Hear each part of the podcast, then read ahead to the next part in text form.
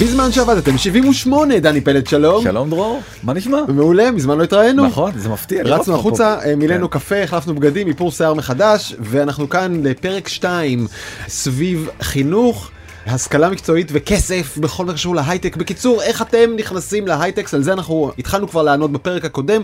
נסכם את כותרות הפרק הקודם ב-62 שניות. יאללה. מה לומדים בתיכון כדי להגיע להייטק? אז לומדים חמש יחידות אה, מתמטיקה וזה נקודה מאוד מאוד חשובה עדיף לקבל ציון נמוך בחמש יחידות מתמטיקה נגיד 70 מאשר לקבל 100 בארבע יחידות. זה המסלול היותר הכי בטוח בשביל אה, להגיע למקצועות התכנות אבל ויש פה אבל גדול. תעשיית ההייטק בישראל ובכל העולם משנה את פניה. ובעצם בישראל ספציפית עברנו מתעשייה שהיא תעשייה שמוכרת סטארט-אפים קטנים עם איזשהו יתרון טכנולוגי גדול. כלומר, תכנות, תכנות ותכנות ותכנות. עברנו ל... לחברות ענק שמוכרות את השירותים בכל העולם. וכאן יש המון מקצועות נוספים כוח אדם שיווק פיתוח עסקי שירות מכירות. ומכירות כלומר יש הזדמנות להרבה יותר ישראלים להיכנס גם בלי להיות מתכנתים אבל מה צריך ללמוד אנגלית, יפה אנגלית חשוב מאוד אנגלית זה... ברמת שפת אם לא סתם אנגלית. כן אז אנגלית טובה זה החסם היום שמשאיר הרבה ישראלים בחוץ אל תיתנו לזה לעצור גם אתכם זה לגבי בית ספר מה לגבי אוניברסיטה או מכללה זה גם שאלה מאוד מאוד מאוד מעניינת והתשובה היא מפתיעה ביותר חד משמעית מכללה. רגע האמת שהיא כבר הפכה להיות אוניברסיטה. אוניברסיטת רייכמן בוגריה זוכים לשכר הגבוה ביותר בממוצע יותר מבוגרי העברית תל אביב בן גוריון הפתוחה בר אילן והטכניון. באופן דרמטי משתכרים יותר מאשר בוגרי הטכניון. כולם משתכרים היטב אל חשש אבל בוגרי אוניברסיטת רייכמן כמעט 40 אלף שקל חמש שנים מסיום הלימודים דבר שצריך אה, לקחת בחשבון. נכון ואז אמרנו שאולי בעצם הפתרון הוא bootcamp ואנחנו רואים שבארצות הברית חל שינוי מגמה גדול ופחות ופחות צעירים הולכים לאוניברסיטה ובאמת בוחרים במסלול של bootcamp שזה בעצם איזה מין קורס מזורז כזה של ללמוד מקצועות מסוימים. יש איזה סיבה לזה שזה בעצם הולך וצובר תאוצה כי העולם כל כך משתנה מהר ויכול מאוד להיות שמה שלמדת לפני 10 שנים כבר לא מתאים להיום. ואולי אם זה בעצם הטרנד אז למה לא לעשות קורסים כל פעם ולהיות על האדג' וללמוד את הדבר הכי עדכני. בוגר קורס של 12 שבועות מלפני חודשיים יכול להיות הרבה יותר רלוונטי מבוגר תואר ראשון או אפילו שני מלפני 12 שנה. נכון. וזה קורה בכל מקום. אפרופו טכניון אני חייב לספר לך משהו אח שלי סיים תואר אה, של ארבע שנים בטכניון היה מצטיין וזה וזה וזה לא ידע לכתוב שורת קוד שהוא סיים במה הוא סיים? בהנדסת מחשבים לא. לא ידע לכתוב שורת קוד מה אתה אומר? כן 10 פרינט דני 20 go to 10? אולי זה הוא ידע אבל למה כי בטכניון התפיסה היא שבסוף. אנחנו נותנים לך ארגז כלים שפה תלמד את עצמך שפה כן. ג'אווה סי תבחר מה שאתה רוצה אנחנו לא מתעסקים בזוטות האלה. שזה בדיוק דרך אגב הפוך מרייכמן ששם מלמדים אותך ממש כאילו יש לך קורסים בג'אווה וקורסים בתכנות ממש. השאלה הכי גדולה באמת אני רוצה לתת עליה תשובה פה בפרק הזה הפעם זה אולי בכלל לא צריך ללמוד הייטק. כדי מה? מה היעד שלי בחיים? להיות מאושר כאילו? אה, לא להרוויח כמה שיותר. אוקיי כסף. כן, אוקיי. דווקא לא הייטק, וגם אה, אמרתי לך השאלה הזאת ששאלת אותי לגבי הבנות שלך עדיין מקננת בי ואני אנסה לתת לך תשובה. שאלה קיומית כאילו ברמה אכזרית אני כמעט. מסכים, גם אני אבא לשלושה ילדים אה, צעירים וזו שאלה מאוד מאוד גדולה ומאוד מאוד מעניינת וננסה לענות על הדבר הזה. אבל אני רוצה דווקא להתחיל ממה קורה עם מי שלא עובד בהייטק. דיברנו בפרק הקודם על פערי השכר הבלתי נסבלים בין עובדי הייטק ללא עובדי הייטק. בישראל השכר הממוצע לכלל העובדים הוא 11,200 השכר הממוצע בהייטק רשמי 25,000 משהו אבל זה כנראה שזה יותר זה 27 8 9 נכון. אלף שקל כלומר פי שניים ואפילו שלושה ולכן הפיל של הייטק מאוד מאוד ברור. ובארצות הברית יש איזשהו אה, גוף מחקר שנקרא opportunity at work שבעצם אה, מביא נתונים די מזעזעים ואומרים את מה שאנחנו כולנו יודעים אבל בארצות הברית השכר שלך ההתחלתי בתור בוגר אוניברסיטה שווה לשכר של אדם שאינו בוגר אוניברסיטה אחרי 30 שנה. מטורף. כלומר אם אתה יכול ללמוד באוניברסיטה אתה בעצם מתחיל את הקריירה שלך בנקודת הסיום שהייתה לך לולא למדת ומשם אתה רק מתפתח הרבה יותר מהר. נכון ובעצם הם מנסים למצוא את האור בקצה המנהרה איך לוקחים עובדים עם ללא אה, השכלה אקדמית. ללא השכלה אקדמית וכנראה סט מיומנויות יותר מצומצם והופכים אותם לעובדים שמשתכרים הרבה הרבה הרבה יותר. ויש להם פתרון הפתרון הזה קוראים באנגלית gateway job. אה, משרת גשר. משרת גשר. המשרה יפה, יפה. שמקפיצה אותך לדבר הבא שלך ובה אתה לומד בדיוק רק את מה שחסר כדי להיות שווה פתאום הרבה הרבה יותר. יפה בוא ניתן אה, דוגמה פקיד בבנק משרה שנכחדת מן העולם מרוויח בארצות הברית 16 דולר לשעה. כן. אם הוא היה הופך להיות אה, customer service שזה יש בהמון משרות אה, חברות ההייטק, שירות נציג. שירות לקוחות שזה בעצם אותו דבר. נכון? מה עושה ההוא טלר בבנק? הוא שירות לקוחות של הבנק. השכר שלו כבר היה עולה ל-19 דולר, מהמם. ומשם הוא יכול היה לקפוץ ולהיות נציג מכירות. SDR כמו שקוראים בתעשיית כן. ההייטק, ואז השכר שלו קופץ ל-31 דולר. כן. עכשיו זה די מדהים כי בעצם אין הבדל נורא דרמטי. יפה ואז הם לקחו והשוו איזה תכונות נדרשות על מנת להיות אה, סתם דוגמה נציג מכירות כזה של אה, מיטות שאתה פוגש בשפיים כן. בהשוואה לנציג הולסייל נגיד נציג אמזון בסדר? או אתה יודע מה יכול להיות שזה אפילו הנציג של חברה גדולה מול חברות קטנות יותר קמעונאי. זה בסך הכל כישורים מאוד דומים פשוט נכון. אם עשית את הסוויץ' הזה פתאום השכר שלך נהיה כפול. נכון ובעצם מסתבר שלמי שמוכר ספאפה. הדבר שצריך לעשות הכי טוב זה לשכנע לקוחות לעומת אה, נציג של אה, אמזון שזה אצלו במקום השלישי. מה שכן קופץ למקום הראשון זה יכולת הדיבור שוב אנחנו אוקיי. חוזרים עוד פעם ועוד פעם ועוד פעם לנקודה הזאתי השפה היא בסופו של דבר לא משנה אה, אם זה בקצה של הקצה של ההייטק או בתחתית שרשרת המזון בהולסייל לעבוד כנציג מכירות באמזון. השפה היא הדבר הכי חשוב ועכשיו אני מדבר איתך על השינוי הכי גדול הכי גדול שהעולם נמצא לפניו והוא באמת בכל תחום ובכל קטגוריה. ובעצם המקצועות שבהם עסקנו בגלל מה שדיברנו בפרק הקודם שההייטק נכנס לכל מקום. אין היום תעשייה שלא חווה בעצם איזשהו מין אה, תהליך של האצה טכנולוגית אה, משמעותית. הרבה מאוד משרות. המשרה הראשונה של זה זה data entry clerks כל ה, באמת מהמם. הפקידים האלה שאנחנו רואים בכל מקום הם ייעלמו והעבודה הכי נדרשת זה ניתוח דאטה. כן. וזה לא משנה אתה תצטרך לנתח דאטה בין אם אתה בית מלון ובין אם אתה קיוסק כי אתה תצטרך לנהל את המלאי שלך בצורה יותר יעילה כי אחרת חברות מוביל. אחרות פשוט אה, יחסלו אותך. זה- רגע אז זה- יש כאן התרשים הזה הוא מרתק יש כאן גם את רשימת המקצועות שהכי נעלמים גם רשימת המקצועות שהכי צומחים אבל דווקא נורא מעניין אותי הטוטל תשמע אין הרצאה שלא קם מישהו ושואל אותי רגע אבל הרובוטים לוקחים והטכנולוגיה לוקחת לנו משרות נכון ואני אומר כן אבל לא בסך הכל בסך הכל יש רק יותר משרות כמות המשרות שנולדות גדולה בקצת מכמות המשרות שנעלמות נכון. וסתכל על הסופר שלך היה שם קודם 10 קופות בשופרסל עכשיו יש 4 ויש מתחם גדול של שגר בעצמך נכון נכון. איפה הקופאית בעמדה מספר 7 יכול להיות שהיא לא עובדת יותר יכול להיות שעשו לה שינוי בעבודה אבל יכול להיות שהמשרה שלה כבר לא נחוצה. אבל הבת שלה לא היא היא לא תתכנת את הקופות האוטונומיות שליד אבל אולי הבת שלה כן. נכון. כלומר הדרמה מול הפרצוף שלכם יש יותר משרות אבל לא בשביל האנשים שנאלצו לשנות משרה. זה נקודה מאוד חשובה כי באמת אתה יכול לראות פה את המספרים שבאמת ייווצרו 97 מיליון משרות אה, חדשות זה מדבר על עד 2025 ויעלמו 85 מיליון אה, זה דרמה תעסוקתית חברתית פוליטית מטורפת. ובאמת נוצר איזשהו gap גדול מאוד והגאפ הזה הוא בכישורים שיש לנו. מחקר של אה, מקינזי אחת מחברות הייעוץ החשובות בעולם חקרה אצל עובדים וגילתה שאצל 43% מהעובדים היום היום בשנת 2021 המחקר היה ב-2021 43% מרגישים שחסרים להם אה, כישורים לא בטכנולוגיה בכלל. זה מדהים זה כמעט כל עובד שני תכף אני אגיע למספר שזה כן. מגיע ממש לכל עובד שני זאת אומרת שאתה ואני יש כנראה כישורים היום בעולם שנדרשים בחוץ? אחד משנינו כנראה אתה כי זה בעצם 50 אחוז. אני חושב.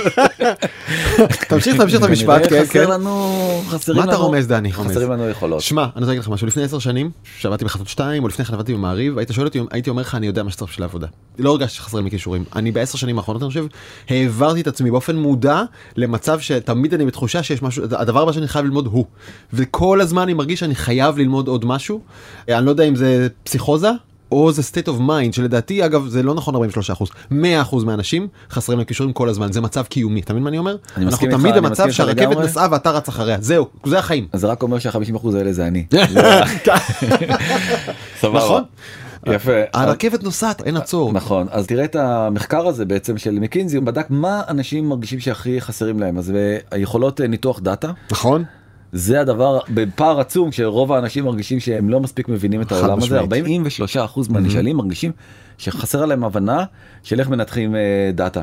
עוד 26 אחוזים טכנולוגיות מידע, יכולות ניהול ויכולות HR, משאבי אנוש וכן הלאה וכן הלאה. רגע אני חייב לפנות מכאן תחינה נרגשת לחברים שלנו בשידורי קשת תראו בשביל לנתח רייטינג כמה עשינו ואיך הצלחנו אתה יודע איזה עבודה אנחנו צריכים לעשות סיזיפית היום לקחת את הנתונים מדקה אחרי דקה לשבת מול מערכת שנקראת ווליקון להסתכל על התוכנית של עצמנו לראות אותה ולהגיד אוקיי מדקה 11 ו14 עד 11 ו3 היה את האייטם הזה רגע כמה עושה. תנו לנו איזה מערכת דאטה.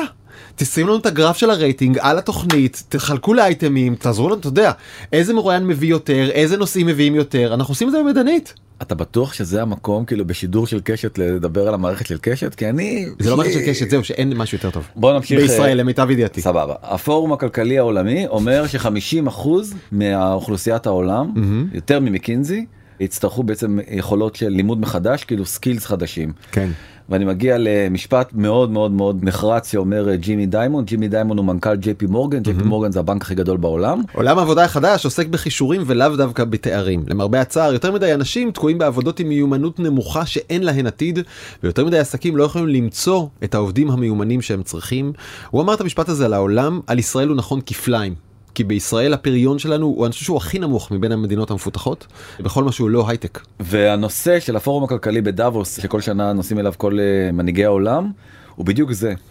Navigating the Great Relearning Revolution בעצם אנחנו צריכים ללמד את עצמנו המון המון המון יכולות שאין לנו אותם כרגע בארגז הכלים לא בנמצא mm-hmm. ושם בעצם גם יש הזדמנות ענקית עוד פעם לפי מקינזי לחברות למה כי אם החברות ישכילו ללמד את העובדים שלהם את מקצועות העתיד, סיכוי גדול יותר שהעובדים האלה יישארו בחברה. אז אמזון הכריז על תוכנית ה reskilling הגדולה שלה ועד 2025 היא תשקיע 1.2 מיליארד דולר בללמד את העובדים יכולות אה, חדשות ו-PwC שזה חברת ראיית החשבון השנייה כן. בגודלה בעולם תשקיע 3 מיליארד דולר.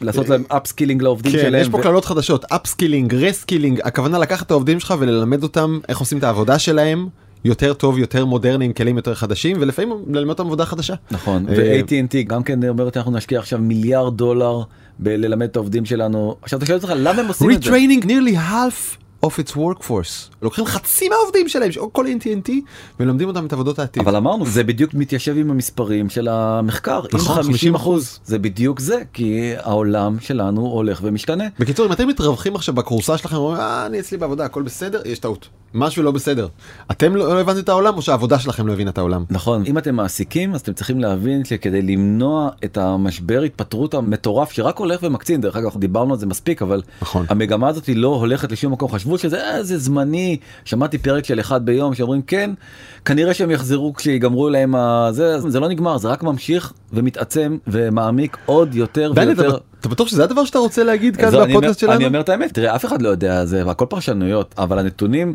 רק הולכים כל הזמן. ומראים שההתפטרות הזאת היא הולכת ומתגברת כי mm-hmm. כנראה מקומות העבודה לא משכילים לשמור על העובדים שלהם כי כנראה העובדים מרגישים שמקומות העבודה לא נותנים להם כלים להתמודד עם העולם המשתנה הזה שם mm-hmm. בחוץ. בוא נגיד לך ו... שכמות המתפטרים בחודש הגיעה ממש לקראת סוף השנה בארצות הברית 4 מיליון עובדים עזבו את עבודתם מספר תקדימי ל-20 שנה האחרונות בטח. נכון. וזה רק הולך ועולה. וגם אה, חברות אה, אחרות מאוד אומרות אוקיי תקשיבו אולי אם אתם כבר עוזבים את העבודה ואתם רוצים עכשיו ללמוד סקילס חדשים. אז בואו חינם תיכנסו לגוגל תיכנסו למייקרוסופט תיכנסו אפילו לוורייזון שזה חברת המובייל הגדולה ביותר בארצות הברית אומרים בואו אנחנו נלמד אתכם skills חדשים mm-hmm. כל אחד בתחומים אחרים. מרחוק לכולם. בחינם. כמעט בחינם. שגוגל כאן משלם משהו אתה משלם איזה סכום נמוך אולי אני לא בטוח. חלק מהמסלולים כן אני חושב שחלק מהמסלולים לא. mm-hmm. בגוגל אתה יכול ללמוד data analytics כמובן שגוגל לא עושה את זה לשם שמיים. אתה תלמד data analytics בכלים של גוגל. גוגל אנליטיקס. ואז לא תעבוד בגוגל אבל כשיקחו אותך לעבודה בחברה אחרת אתה תביא איתך את הידע שלך. כן אתה תכתוב בקורות חיים אני יודע גוגל אנליטיקס. בדיוק וזה הדבר שהשתמש בו זה גם פרנסה בשביל גוגל. אבל זו הזדמנות גדולה מאוד מאוד מאוד לחברות כי בעצם הן מבינות שעולם העבודה הולך ונהיה מעולם של תארים לעולם של כישורים. זה הזדמנות מדהימה גם לישראלים שגרים בפריפריה ואולי לא התקבלו לאוניברסיטת תל אביב לא יכולים לממן את השהות כאן אבל הם יכולים להיכנס לגוגל וללמוד מהבית בזמנם הפנוי תוך כדי שהם עובדים בפיצוצייה ולהפוך להיות דאטה אנליסט. והעבודה הבאה שלך תהיה כבר בשכר אחר לגמרי. נכון זה באמת נותן הזדמנויות מאוד מאוד גדולות והנה אני מתחבר לתמונה המהממת הזאתי של אה, הבנות שלך ומה הן צריכות ללמוד אז לא הגעתי רחוק עד 2050 כן. אלא עד 2030 בוא נתחיל נשמע את הקטע אולי. הראינו שבוע שעבר שב-2050 כדור הארץ הולך להגיע לנקודת אל אה, חזור. אנחנו רואים את זה איך כל הזמן האקלים נהיה יותר ויותר קיצוני. זה ממש עובר לי בראש עם הילדה החדשה שלי. הילדה הזאת אמורה סטטיסטית להגיע ל-2100 בקלות, אוקיי? איזה כישורים אני צריך ללמד אותה?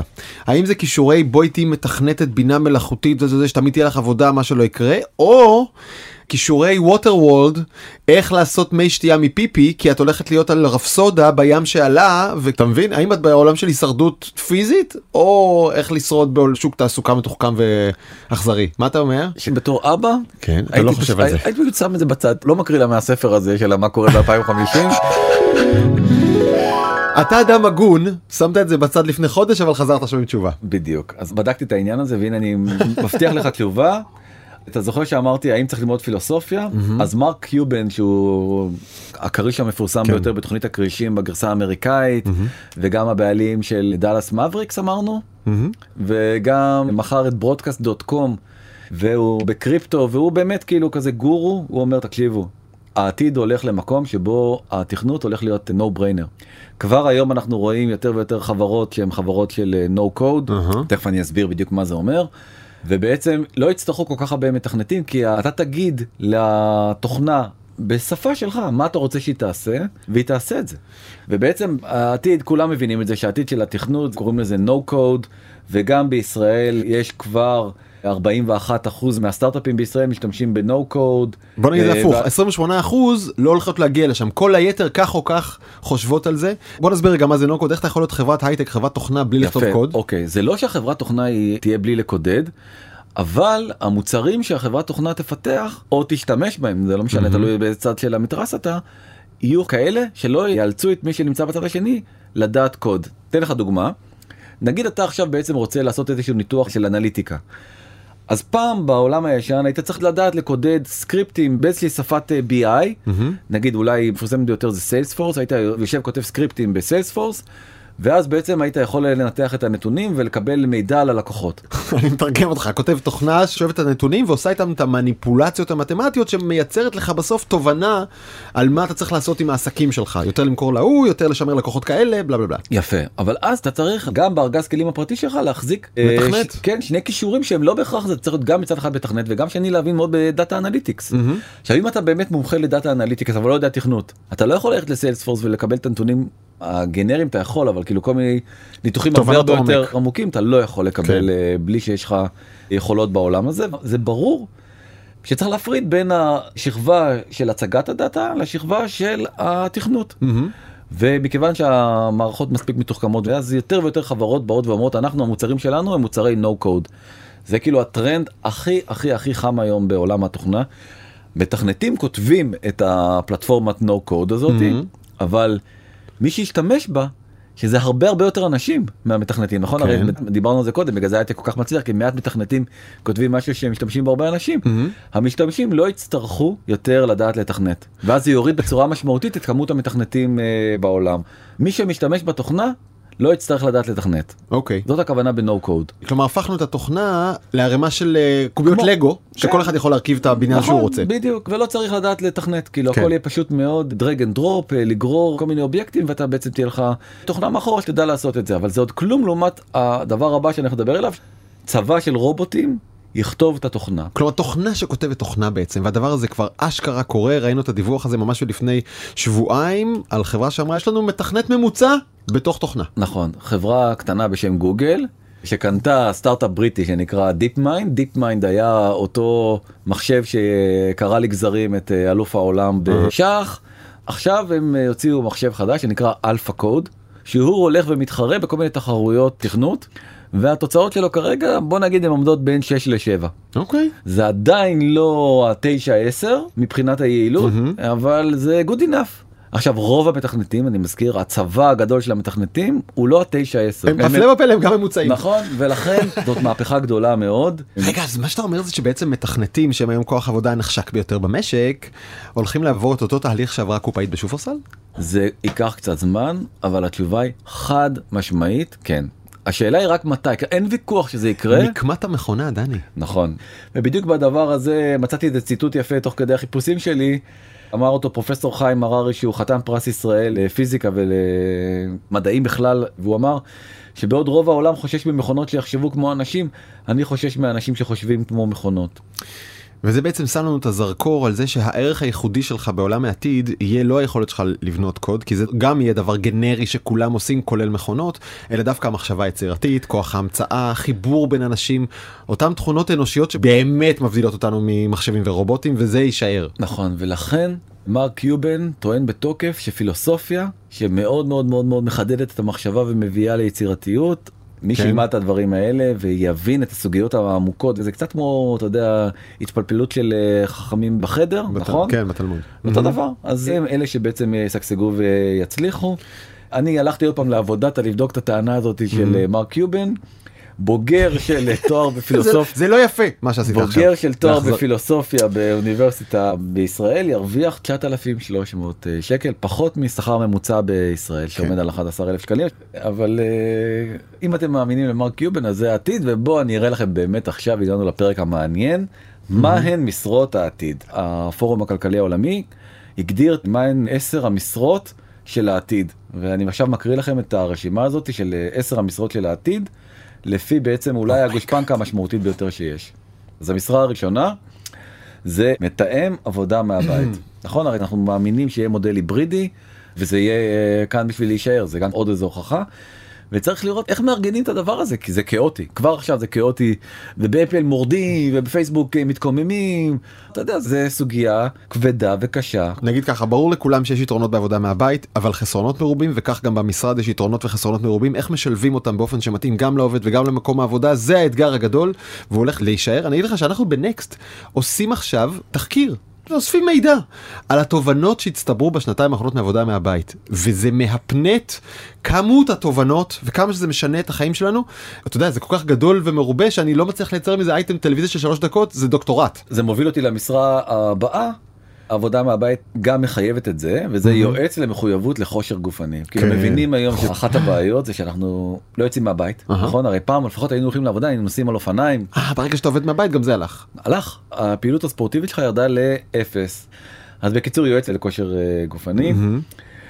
נושא שאני באופן אישי די סולד ממנו אבל uh, הולך וצובר תאוצה מנהל תכנון בית חכם.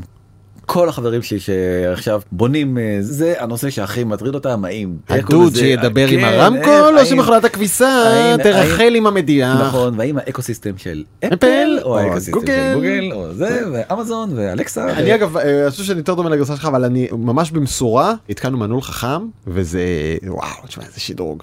אני בא הביתה והוא נפתח. כי זה אני.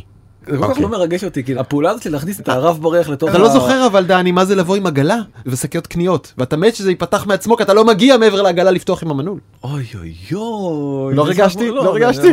הכינורות לא עובדים? לא. אוקיי. כן. הדבר הבא זה יועץ אה, חוויה אימרסיבית הרי אנחנו הולכים לעולם שבו כן מטאוורס לא מטאוורס אבל יהיה לנו גם יהיה בלבול גדול מאוד כי זה החוויות של ה-AR יהיו כל כך אה, ריאליסטיות שאנחנו בעצם לא נדע להבחין בין המציאות לבין הזה ואנחנו נצטרך יועץ לא הבנתי. שיסביר לנו איך בונים חוויה אימרסיבית שגם כן היא לא משלה מצד אחד וגם זה באמת זה הולך להיות מקצוע מאוד מאוד נדרש כי אתה תבוא לחנות ואתה פתאום אה, יתקוף אותך איזה איש מכירות וירטואלי והוא יבריח ויגיד- יבוא יועץ יגיד לא לא לא.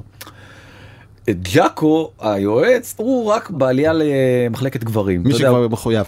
אה, וארכיטקט לסביבת עבודה כי עוד פעם סביבת העבודה משתנה זה לא צריך להסביר. זאת אומרת, זה אנחנו- התחום של מנהל עבודה מהבית. נכון, אתה זוכר שהראינו בעצם איך גם אקסנצ'ר וגם אה, מייקרוסופט נערכות למשרדים החדשים. של העתיד ואיך הם יהיו בנויים.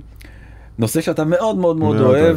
מבקר הטיית אלגוריתמים, כן. אנחנו יודעים שלאלגוריתמים, שאנחנו לא מבינים עד הסוף תמיד איך הם מגיעים לתוצאה אה, לאן הם הגיעו, יש להם הטיות. אלגוריתמים של בינה מלאכותית הם גזענים, הם שונאי נשים, שונאי שחורים, הם לא עושים את זה בכוונה, הם פשוט משעתקים פעולות של אנשים רגילים מהעולם, לומדים מהם והופכים את זה לאלגוריתם, ועכשיו האלגוריתם עושה את- את התעדוף המוטה הזה ואת הגזענות רוב. כותבי הקוד אוקיי. הם גברים לבנים, לבנים, כן. ולכן ההטייה של הקוד שלהם כנראה משפיעה על המכונות וצריך כנראה לתקן את זה. אני יכול להבטיח לך שכמו כמות המבקרי פנים, מבקרי המדינה וכאלה, גם כאן יהיו ארבעה מבקרים על כל ארבעה מיליון מתכנתים. כאילו לא יהיה מספיק ביקורת, בטוח. הנושא הבא זה בעצם חוקר תעלומות בביג דאטה. אני אוהב את העבודה הזאת. וואו. איפה נעלם השבע? עכשיו אתה נשמע כמו מורה לחשבון בחטיבת ביניים. דווקא לי נשמעתי יותר כמו זה מרחוב סומסום שאומר, אה, היי מר חבר. יש לי שמונה, כן.